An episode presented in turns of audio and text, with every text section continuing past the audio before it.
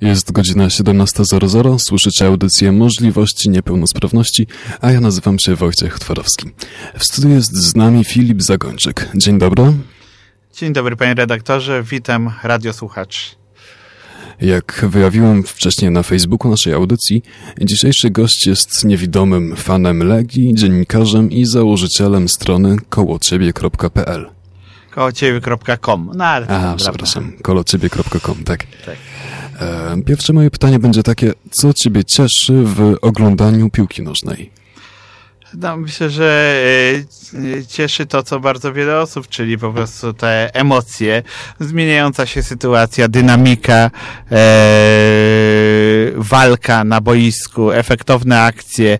No, oczywiście zależy jeszcze o jakim meczu mówimy. Powiedzmy sobie szczerze, że nasza ekstraklasa niestety nie stoi na najwyższym poziomie, aczkolwiek oczywiście no, Legia jest tutaj chlubnym wyjątkiem, drużyną, która tą ekstraklasę zdecydowanie zdominowała, o czym wiemy wszyscy wszyscy tutaj w Warszawie i e, ostatnie wyniki w europejskich pucharach, e, w potyczkach ze Spartakiem czy z Leicester City, dwa zwycięstwa, no pokazują, że e, Legia chyba w tej chwili jako jedyna polska drużyna potrafi rywalizować na tym europejskim poziomie.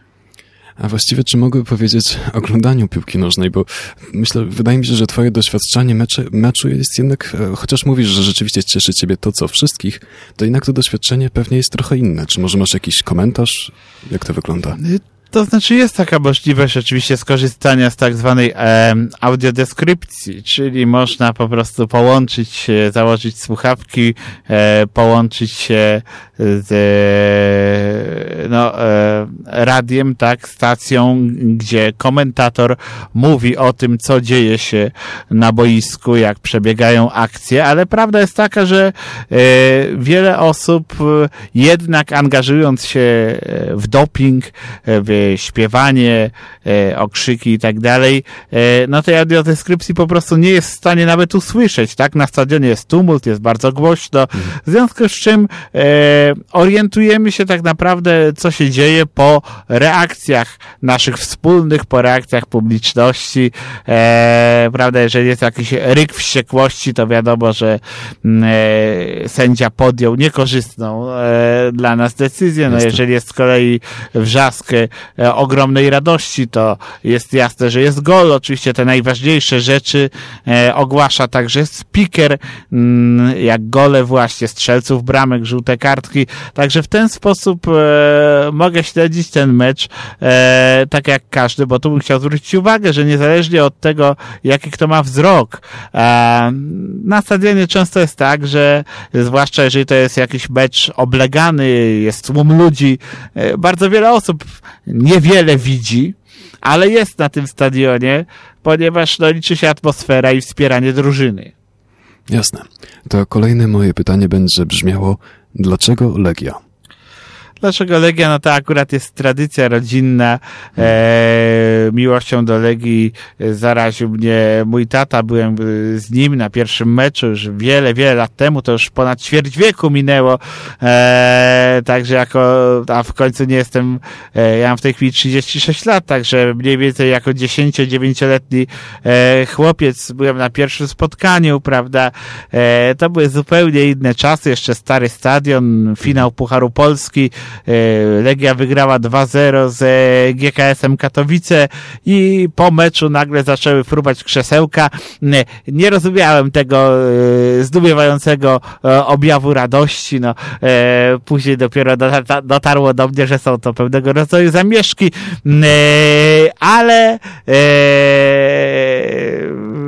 no takie miałem pierwsze przeżycie, natomiast w tej chwili właściwie wbrew jakiejś obiegowej opinii, no Legia ma fantastyczny, piękny, nowoczesny stadion i ja nie pamiętam kiedy jakieś ostatnie e, zamieszanie w ogóle miało miejsce. To musiało być x lat temu, e, co najmniej 5-6 lat, także e, kibice bardzo e, gorąco dopingują, natomiast nie przekraczają pewnych granic. To, co mówisz, jest bardzo ciekawe, bo nie wiem, czy powinienem, ale przyznam się, że nie jestem wielkim fanem piłki nożnej i kibice raczej źle mi się kojarzą. Czy może umiałbyś mnie jakoś bardziej jeszcze przekonać do tej całej społeczności? na przekonać cię, to musisz poczuć tą adrenalinę, hmm. spróbować na przykład e, przygotowywać oprawę meczową, prawda, e, zrozumieć to, że na taki mecz e, się czeka, że na kilka dni przed meczem już człowiek się zastanawia, jak się potoczą akcje, jaki będzie wynik, kto wyjdzie e, i e, dlatego no, jest to pełne zaangażowanie. Ja na przykład pamiętam wiele meczy już, e, e które odbyły się wiele lat temu. Był taki mecz w 2001 roku, Legia Walencja u siebie 1-1. E, to pamiętam, że no, był pełen stadion, kilkanaście wtedy tysięcy osób, ja również i atmosfera była tak gorąca, że Hiszpanie w ogóle nie wiedzieli, co się dzieje. Byli przerażeni. Legia e, e, zremisowała ten mecz 1-1, ale w pierwszej połowie miała chyba z 10 znakomitych sytuacji. Tylko no, fakt, że jeden z napastników był bardzo nieskuteczny spowodował, że Hiszpanie tego meczu wysoko nie przegrywali. Potem pamiętam, austriacki sędzia podyktował rzut karny e, dla Hiszpanów i oni uratowali remis. Mhm. E, no ale, ale e, ten tumult jaki był, te, ten e, wrzask radości, a później gwizdy, kiedy do karnego podchodził e, hiszpański zawodnik, no to mi to przypominało atmosferę jak przed wybuchem powstania. E, także to są niesamowite emocje e, i po prostu warto to przeżyć. Jasne. Zrobimy sobie może teraz krótką przerwę, chociaż przyznam, że trochę mnie przekonałeś do kibiców. Bardzo się cieszę. Zrobimy krótką przerwę. Dzisiaj usłyszycie parę... Przed chwilą zrelacjonowałeś nam dokładnie pewien mecz, także słuchałem twojego wywiadu e, w ramach tamtego cyklu Skazani na Legię i muszę przyznać, że nieco jestem zafascynowany wręcz twoją pamięcią do tych faktów powiązanych z ulubionym zespołem. Czy mógłbyś zdradzić, jak zapamiętujesz taką ilość informacji? No, zdradzić tego nie za bardzo mogę, ponieważ e, nie mam pojęcia, jak to się dzieje. No, od dawna, od zawsze właściwie mam bardzo dobrą pamięć do cyfr, do faktów, e, do różnych rzeczy. No, myślę, że człowiek zapamiętuje to, e, co jest dla niego naprawdę ważne, co przeżywa, w co się angażuje, w związku z czym e, no, mecze, szczególnie te właśnie, które wywołały ogromne emocje, e, no, gdzieś tam tkwią w pamięci. E, i, I takich meczy z Legią związanych mam bardzo dużo. Jasne. Może przejdźmy teraz do kolejnego już tematu, do wypadku, który zdarzył się w 2008 roku, bo chociaż robisz wiele rzeczy, to chyba jednak twoje nazwisko jest najbardziej kojarzone e, właśnie z tą całą historią. No to jest trochę przekleństwo, dlatego że ja tak jestem e, e, pracującym już od wielu lat dziennikarzem, jestem autorem bloga, jestem autorem książki, e, brałem udział w wielu różnych programach niezwiązanych e, właśnie z wypadkiem, o którym za chwilę będziemy mówić, no a jednak oczywiście największy rozgłos e, e, spowodowała ta sytuacja. Oczywiście było to wówczas konieczne, ponieważ potrzebowałem pomocy, również wsparcia finansowego. No wypadek miał miejsce w warszawskim metrze w 2008 roku wpadłem pod e, pociąg e, na stacji Metrocentrum. E, wtedy, kiedy to miało miejsce na tej stacji, nie było absolutnie żadnych zabezpieczeń, jeśli chodzi o osoby niewidome, a więc nie było tak zwanych e, wypustek, tych guzków, które by sygnalizowały zbliżanie się do krawędzi. Nie było także komunikatów głosowych e, informujących o tym, że pociąg nadjeżdża, czy też z której strony nadjeżdża. E, no, jak również nie zadziałały żadne inne mechanizmy bezpieczeństwa w postaci na przykład szybkiej reakcji pracowników E, e, czy też e, no, nadania choćby komunikatu zwykłego głosowego o tym, że należy odsunąć się od krawędzi peronu. Tego wszystkiego nie było, no, w związku z czym, a szedłem z koleżanką również niewidomą, ja szedłem jako pierwszy, no i ona nie wpadła tylko dlatego, że niestety zdarzyło się to mi i to był dla niej ten tragiczny sygnał, że należy się już zatrzymać. Tak? No ale tak to nie powinno absolutnie wyglądać. No jasne. No i no, rzeczywiście ta historia stała się dosyć popularna i wydaje mi się, że dzięki, znaczy przez nią, dzięki niej, no po, po, powiedzmy, że jednak chociaż była dla ciebie bardzo tragiczna, to w pewien sposób coś się zmieniło. Przez to w Warszawie? To znaczy zmieniło się, natomiast ja bym oczywiście nie chciał powtarzać podobnego scenariusza, to znaczy, żeby jakaś tragedia, to jest takie bardzo nasze, e, powiedziałbym nawet bardzo polskie, że dochodzi do jakiejś wielkiej tragedii, albo ktoś traci życie, albo zdrowie e, i wtedy zaczynamy e, różne rzeczy naprawiać, poprawiać, orientujemy się, że coś jest nie tak. No tutaj mieliśmy taką sytuację, że Polski Związek Niewidomych od początku, kiedy metro tylko powstawało, informował, że te zabezpieczenia są potrzebne. Wiele pism związku pozostało kompletnie bez odpowiedzi, było ignorowanych, no aż do czasu, kiedy ten wypadek się zdarzył. Wówczas rzeczywiście no, nacisk medialny był ogromny i, i po następnych tak naprawdę jeszcze kilku latach, bo chyba w 2011 roku e, udało się e, wreszcie e, zamontować te e, guski ostrzegające przed zbliżaniem się do krawędzi peronu, e, co jest oczywiście zwiększeniem bezpieczeństwa osób niewidomych i z czego należy się cieszyć.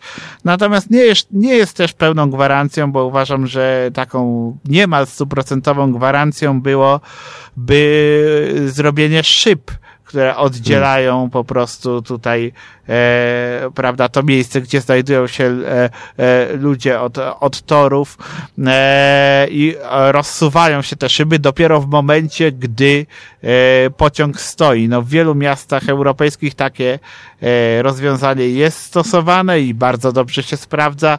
U nas okazało się być za drogie. Jasne. Wiesz co, jak także sobie nieco czytałem o tym całym wydarzeniu, to wydaje się, że to była bardzo absurdalna cała historia. Mam na myśli to, co się działo po wydarzeniu. E, bo pamiętam, że robiliście chyba, no, była organizowana jakaś konferencja właśnie dotycząca tych zabezpieczeń i wcześniej także osoby niewidome zorganizowały także własną e, konferencję. I wtedy oczy, oczywiście mówiono, że 80% osób niewidomych ma być zadowolonych z metra. Tak samo cały czas mówiono, że prawo kolejowe mówi, że nawierzchnia powinna być płaska i dlatego nie można wprowadzić tych guzków. No tak, no to jest tak zwany imposybilizm, e, czyli takie udawanie, że czegoś się, e, że coś jest niemożliwe, nieosiągalne, że zrobić się tego nie da. E, no ja tylko powiem, że do momentu mojego wypadku nieosiągalne były komunikaty głosowe, a zaraz po moim wypadku akurat te komunikaty uruchomiono bardzo szybko, w ciągu dwóch, trzech tygodni okazało się, że nie potrzeba tu żadnej filozofii, żadnych dodatkowych przepisów, że e, wszystko to e, można było zrobić. No tylko szkoda, że trzeba było czekać e, do momentu, kiedy ktoś, w tym wypadku ja, wpadł pod ten pociąg. No ale to są stare dzieje. Na szczęście trochę się na lepsze w Warszawie od tego czasu zmieniło. Ja również, e, no, po wielu latach ciężkiej pracy w dużym stopniu wróciłem e, do sił, wróciłem do sprawności, choć oczywiście skutki wypadku różne są do dzisiaj i rehabilitować się dalej mhm. muszę i powinienem. E, koszty z tego tytułu ponoszę, a sprawa sądowa trwa do tej pory, jeszcze się nie zakończyła. Czyli jeszcze nie dostałeś e, odszkodowania od Dostałem miasta? tylko tyle, co wynikało z takiej pierwszej podpisanej między nami ugody, e, natomiast no, ponieważ ta kwota była niezadowalająca, o resztę e, poszliśmy się sądzić i e, ta sprawa e, trwa już 11 rok, e, a 13 lat od wydarzenia, czyli od wypadku. No cóż, trzymamy wszyscy za ciebie kciuki. Tutaj znowu widać e, powiedzenie mądry Polak po szkodzie. No na pewno. Ale z tą historią także wiążesz nieco weselszych e, historii, bo czytałem, że właśnie twoje środowisko e, piłkarskie nieco ciebie wspomogło. Tak, no tutaj trzeba powiedzieć, że no, piłkarzem też był mój tata. E, ma z boiska wielu przyjaciół, także ja niektórych z nich zdałem już e, dużo wcześniej, przed e, wypadkiem. No, bardzo elegancko i wspaniale zachowało się Stowarzyszenie e, Byłych Polskich Piłkarzy, którego prezesem wówczas był Dariusz Dziekanowski. Oni no, zorganizowali dla mnie mecz charytatywny, było, było mnóstwo gości, mnóstwo e, wspaniałych zawodników, e, wiele słów wsparcia, no i również otrzymałem od nich konkretną pomoc e, właśnie finansową, a także drukarkę brajlowską, tak żebym mógł, oraz skaner, tak żebym jak tylko dojdę do formy, mógł dalej kontynuować no, e, drukowanie, czytanie, po prostu naukę, czy to, co jest mi potrzebne, e, żebym mógł sobie właśnie wydrukować e, w Braille'u. Czytałem także wtedy, że jednym z celów tych urządzeń było, żebyś mógł nauczyć się więcej języków. Czy to się udało? E, czy to się udało? No na pewno, na pewno się przydała ta drukarka, bo e, mówię w paru językach, także mm -hmm. powiedziałbym, że e, cel został zrealizowany. Super. Dobrze, to teraz znowu krótka przerwa muzyczna. Utwór zespołu Kombi o tytule Pokolenie.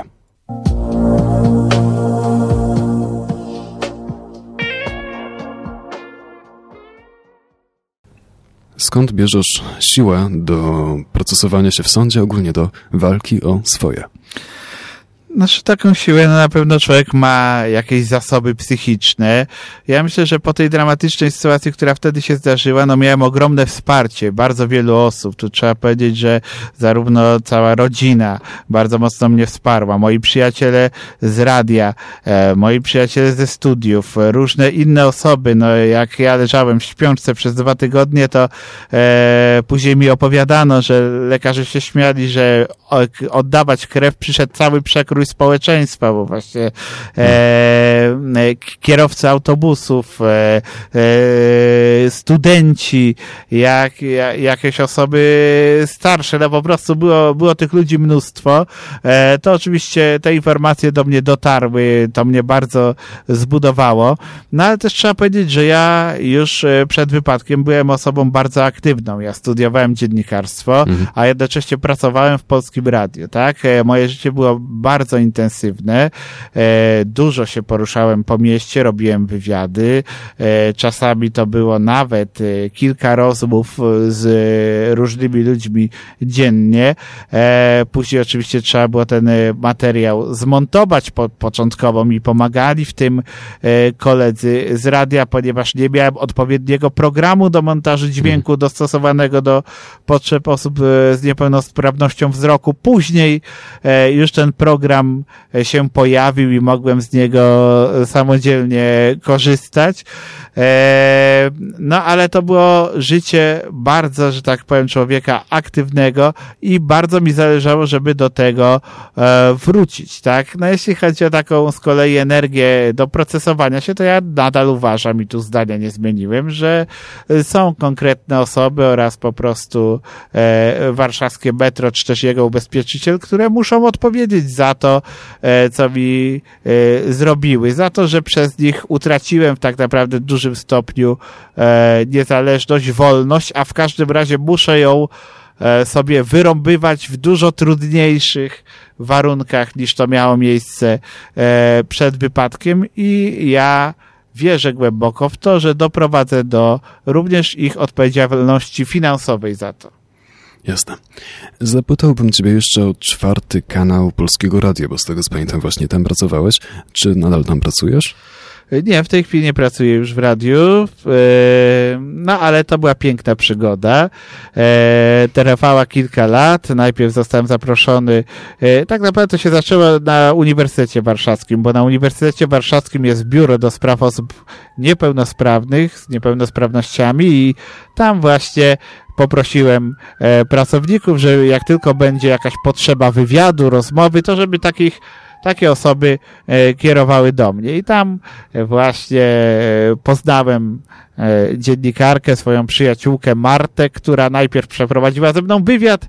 Ja przy okazji powiedziałem jej, E, o tym właśnie, że sam chętnie bym spróbował swoich sił w radio. Ona przyprowadziła mnie do redakcji i tak to się zaczęło. No, tam spotkałem się z bardzo pozytywnym, ciepłym przyjęciem.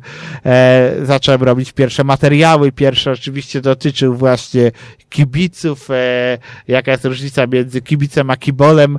Później mhm. były to tematy e, już bardzo różne. E, no, były też tematy związane z niepełnosprawnością, na przykład jak się poruszać właśnie z białą laską. Ja wtedy przecież sam poruszałem się z białą laską po mieście, e, ale były też na przykład e, tematy związane z bezpieczeństwem.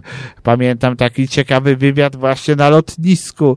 E, pamiętam wywiady E, z różnymi ciekawymi, znanymi osobami, z Robertem Górskim e, z kabaretu Moralnego Niepokoju, czy z naszą e, olimpijką, Moniką Pyrek. No tych wywiadów było bardzo, bardzo dużo i był to niewątpliwie bardzo interesujący okres w moim życiu.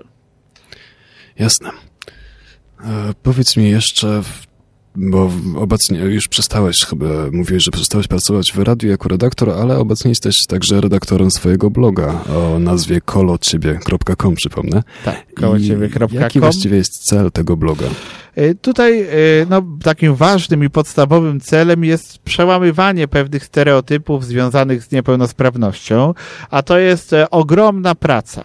Tych stereotypów jest cała masa. Ja wspomnę, ja mam czasami wrażenie, że mimo wysiłków i różnych kampanii społecznych, że czasami dochodzi do ustecznienia wręcz społeczeństwa, bo ja niekiedy dzisiaj obserwuję tak negatywne zjawiska, których nie widziałem na przykład 15 lat temu, tak? Mimo, mimo e, ogromnej pracy. No ja podam jeden z, z ostatnich, o, ostatnich przykładów.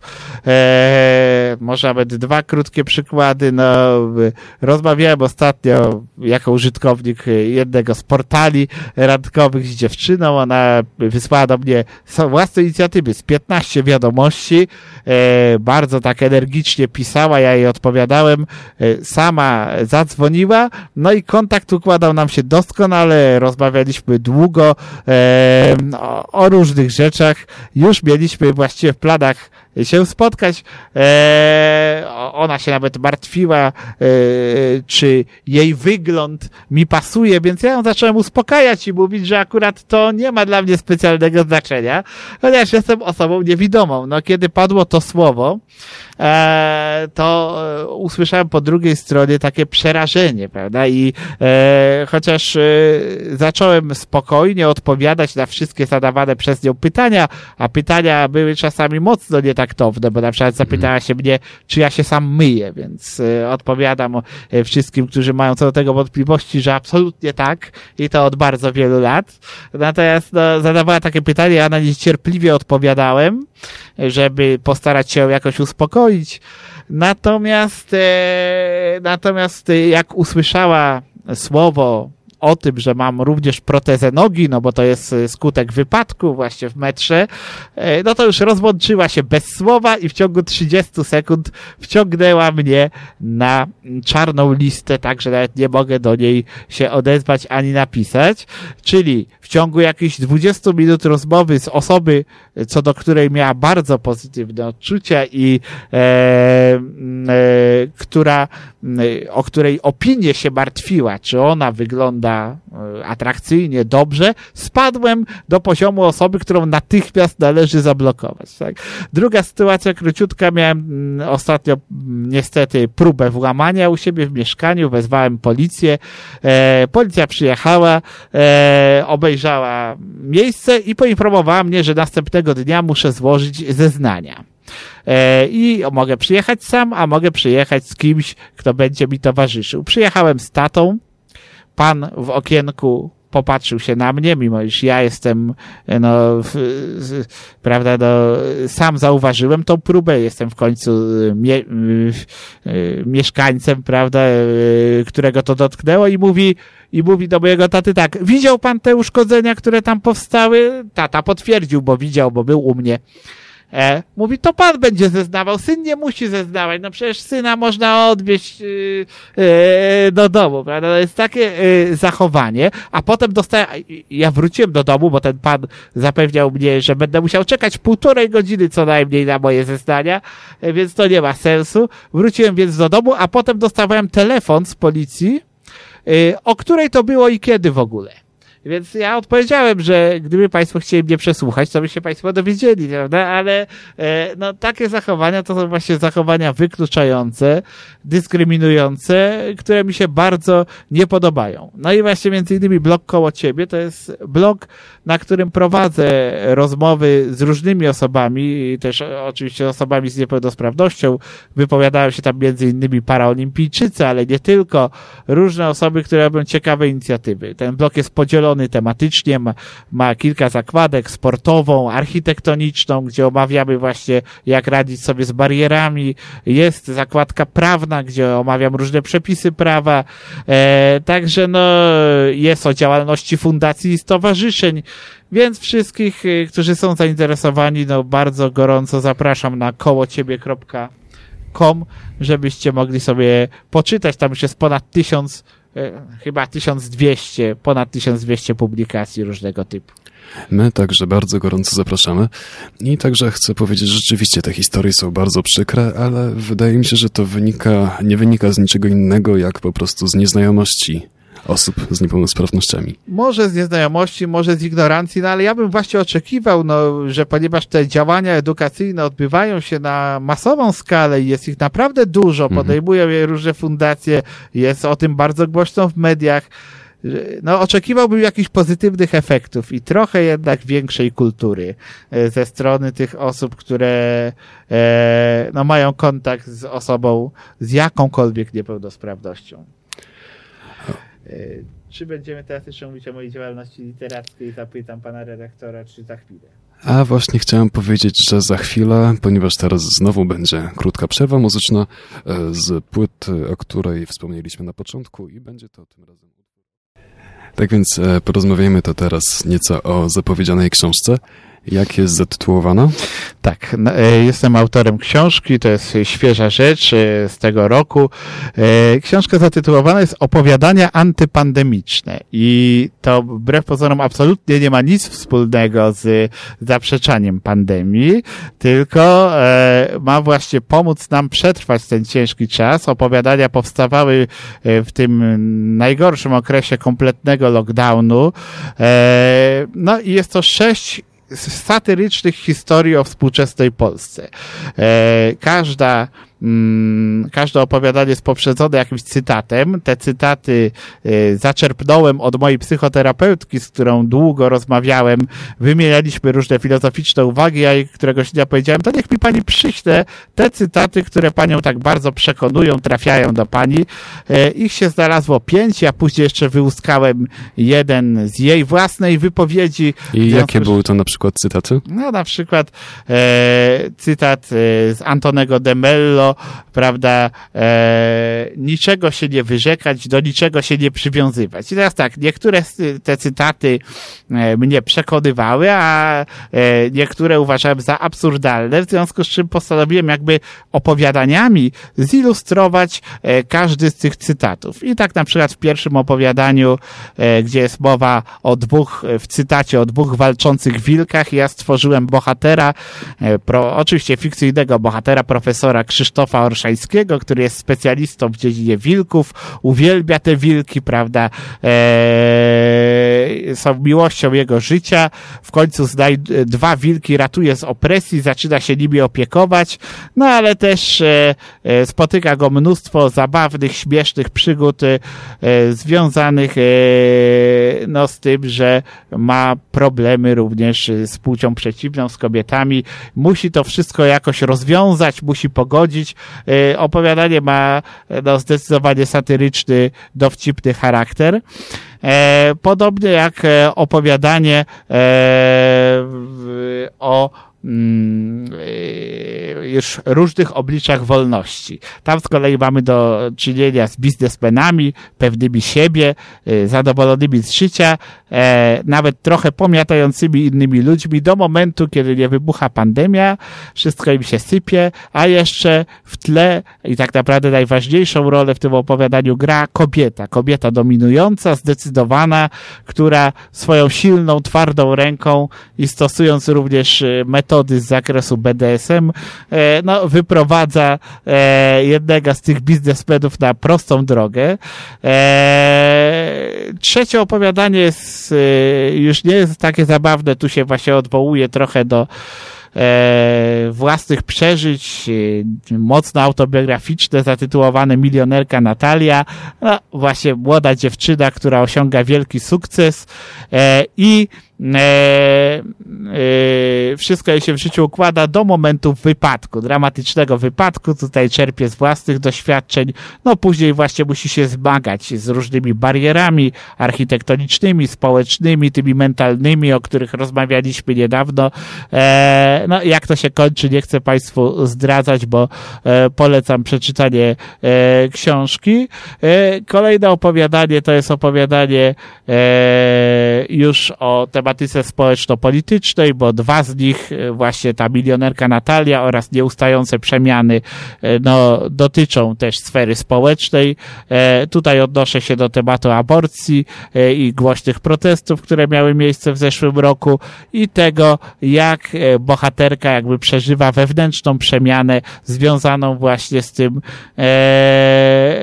z tym wydarzeniem. I ostatnie opowiadanie, nie, nie, przedostatnie, to jest opowiadanie e, Białownica, czyli dziewczyna posługująca się białą magią, bardzo satyryczne, śmieszne, e, dziewczyna, która potrafi po prostu czynić dobro, a mimo to społeczeństwo tak nie rozumie tego, co ona robi, e, że no, zastawia na nią różnego rodzaju pułapki, wmieszana jest w wielką aferę i tylko dzięki pomocy, że tak powiem, sił magicznych, również, również innej dziewczyny, która tą białą magią potrafi się posługiwać, e, ta kobieta wymyka się, wymyka się tym różnym opresjom i problemom.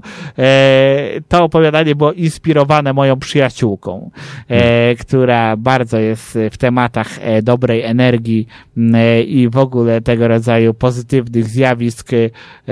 Jest specjalistką, jestem zafascynowana. Ona mnie natchnęła do stworzenia tego opowiadania. A szóste opowiadanie to jest właśnie na podstawie słów mojej terapeutki, która kiedyś wykrzyknęła w trakcie spotkania odrzućmy wszystkie normy. Państwo przecież robicie takie rzeczy. No więc ja w opowiadaniu odrzuciłem wszystkie normy, jakie tylko istnieją i stworzyłem e, postać psychopatki, e, która no, swoimi działaniami e, myślę, że rozbawia czytelnika. Ogromnym atutem książki jest to, że jest to audiobook i jest pięknie czytana przez właśnie moją przyjaciółkę Ingę Górniak. Ona doskonale to interpretuje. E, Zachęcam Was do lektury. Książka tak, jest dostępna w e, Bibliotece Polskiego Związku Niewidomych, jest również dostępna w Bibliotece Narodowej. Można ją zamówić u mnie także, jeżeli napiszecie na e, mail Phil Zago, czyli pierwsze trzy litery imienia Filip, Phil, potem cztery nazwiska, czyli Z-A-G-O, małpa gmail.com, to ja oczywiście natychmiast odpowiem e, i e, chętnie Wam tą książkę udostępnię. E, możecie jej recenzję znaleźć także filmik na jej temat na moim blogu właśnie na kolociebie.com. Także no, e, poza tymi dwoma nieco bardziej poważnymi społeczno-politycznymi opowiadaniami, to cztery są na pewno do pośmiania się i zapomnienia o tej trudnej pandemicznej rzeczywistości, dlatego opowiadania są antypandemiczne. Antypandemiczne. Dobrze, to teraz e, znowu przerwa, tym razem coś mniej wulgarnego. E, Jugopolis, miasto Budzisze.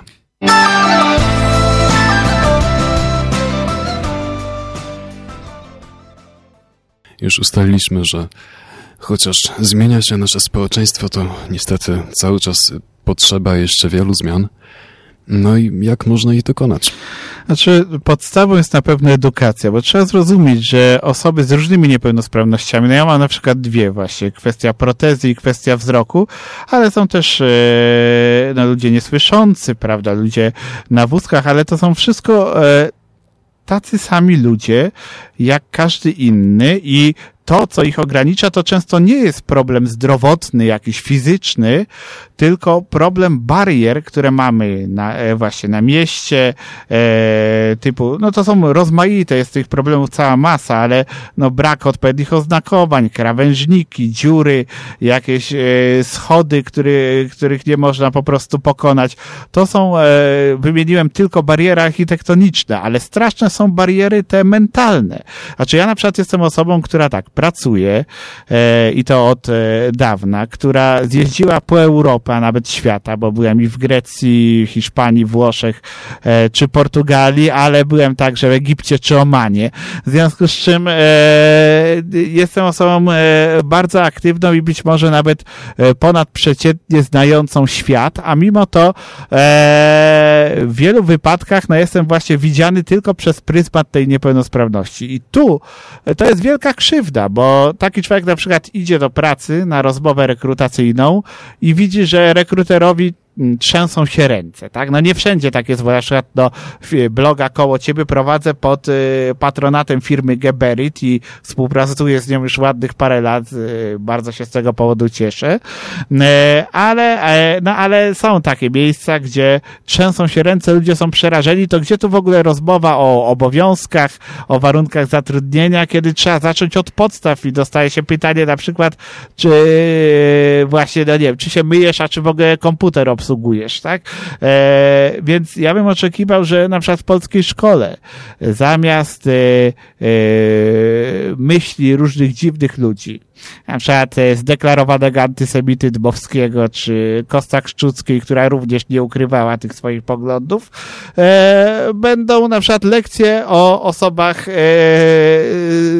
właśnie z różnymi niepełnosprawnościami, tak żeby dziecko już od najmłodszych lat mogło zrozumieć, że e, jeżeli potrzebujemy jakiejś pomocy, co się oczywiście czasami zdarza, to to nie jest główna rzecz w naszym życiu i my również innym możemy pomagać, możemy normalnie z nimi się bawić, pracować, funkcjonować.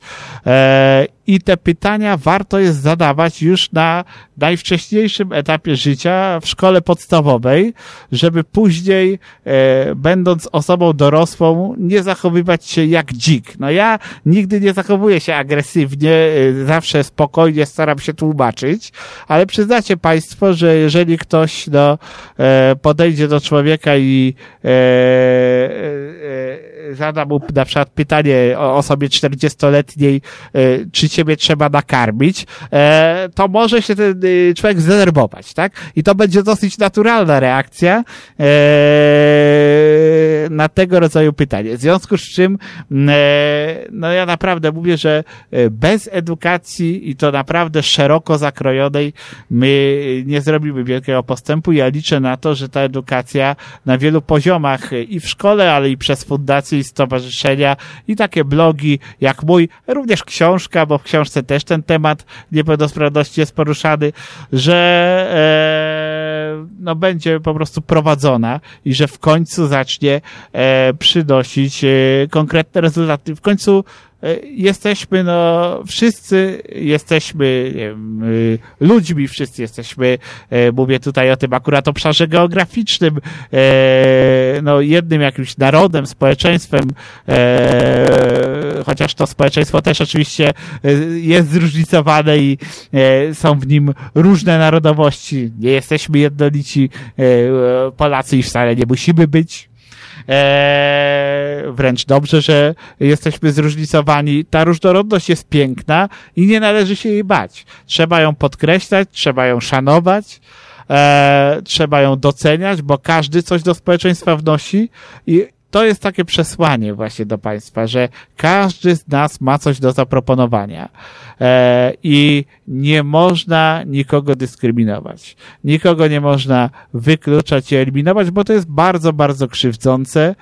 E, jeżeli zapamiętacie tą tylko rzecz, że tego robić nie wolno z tej audycji, to będę szczęśliwy i dumny, że mogłem tutaj e,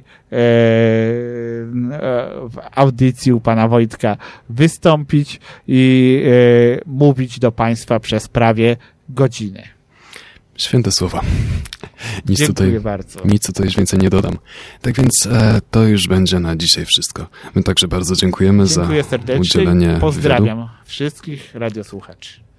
Przypominamy, że można słuchać nagrań naszych audycji na takich platformach jak YouTube, Spotify, Google Podcasts, Apple Podcast Breaker i Anchor.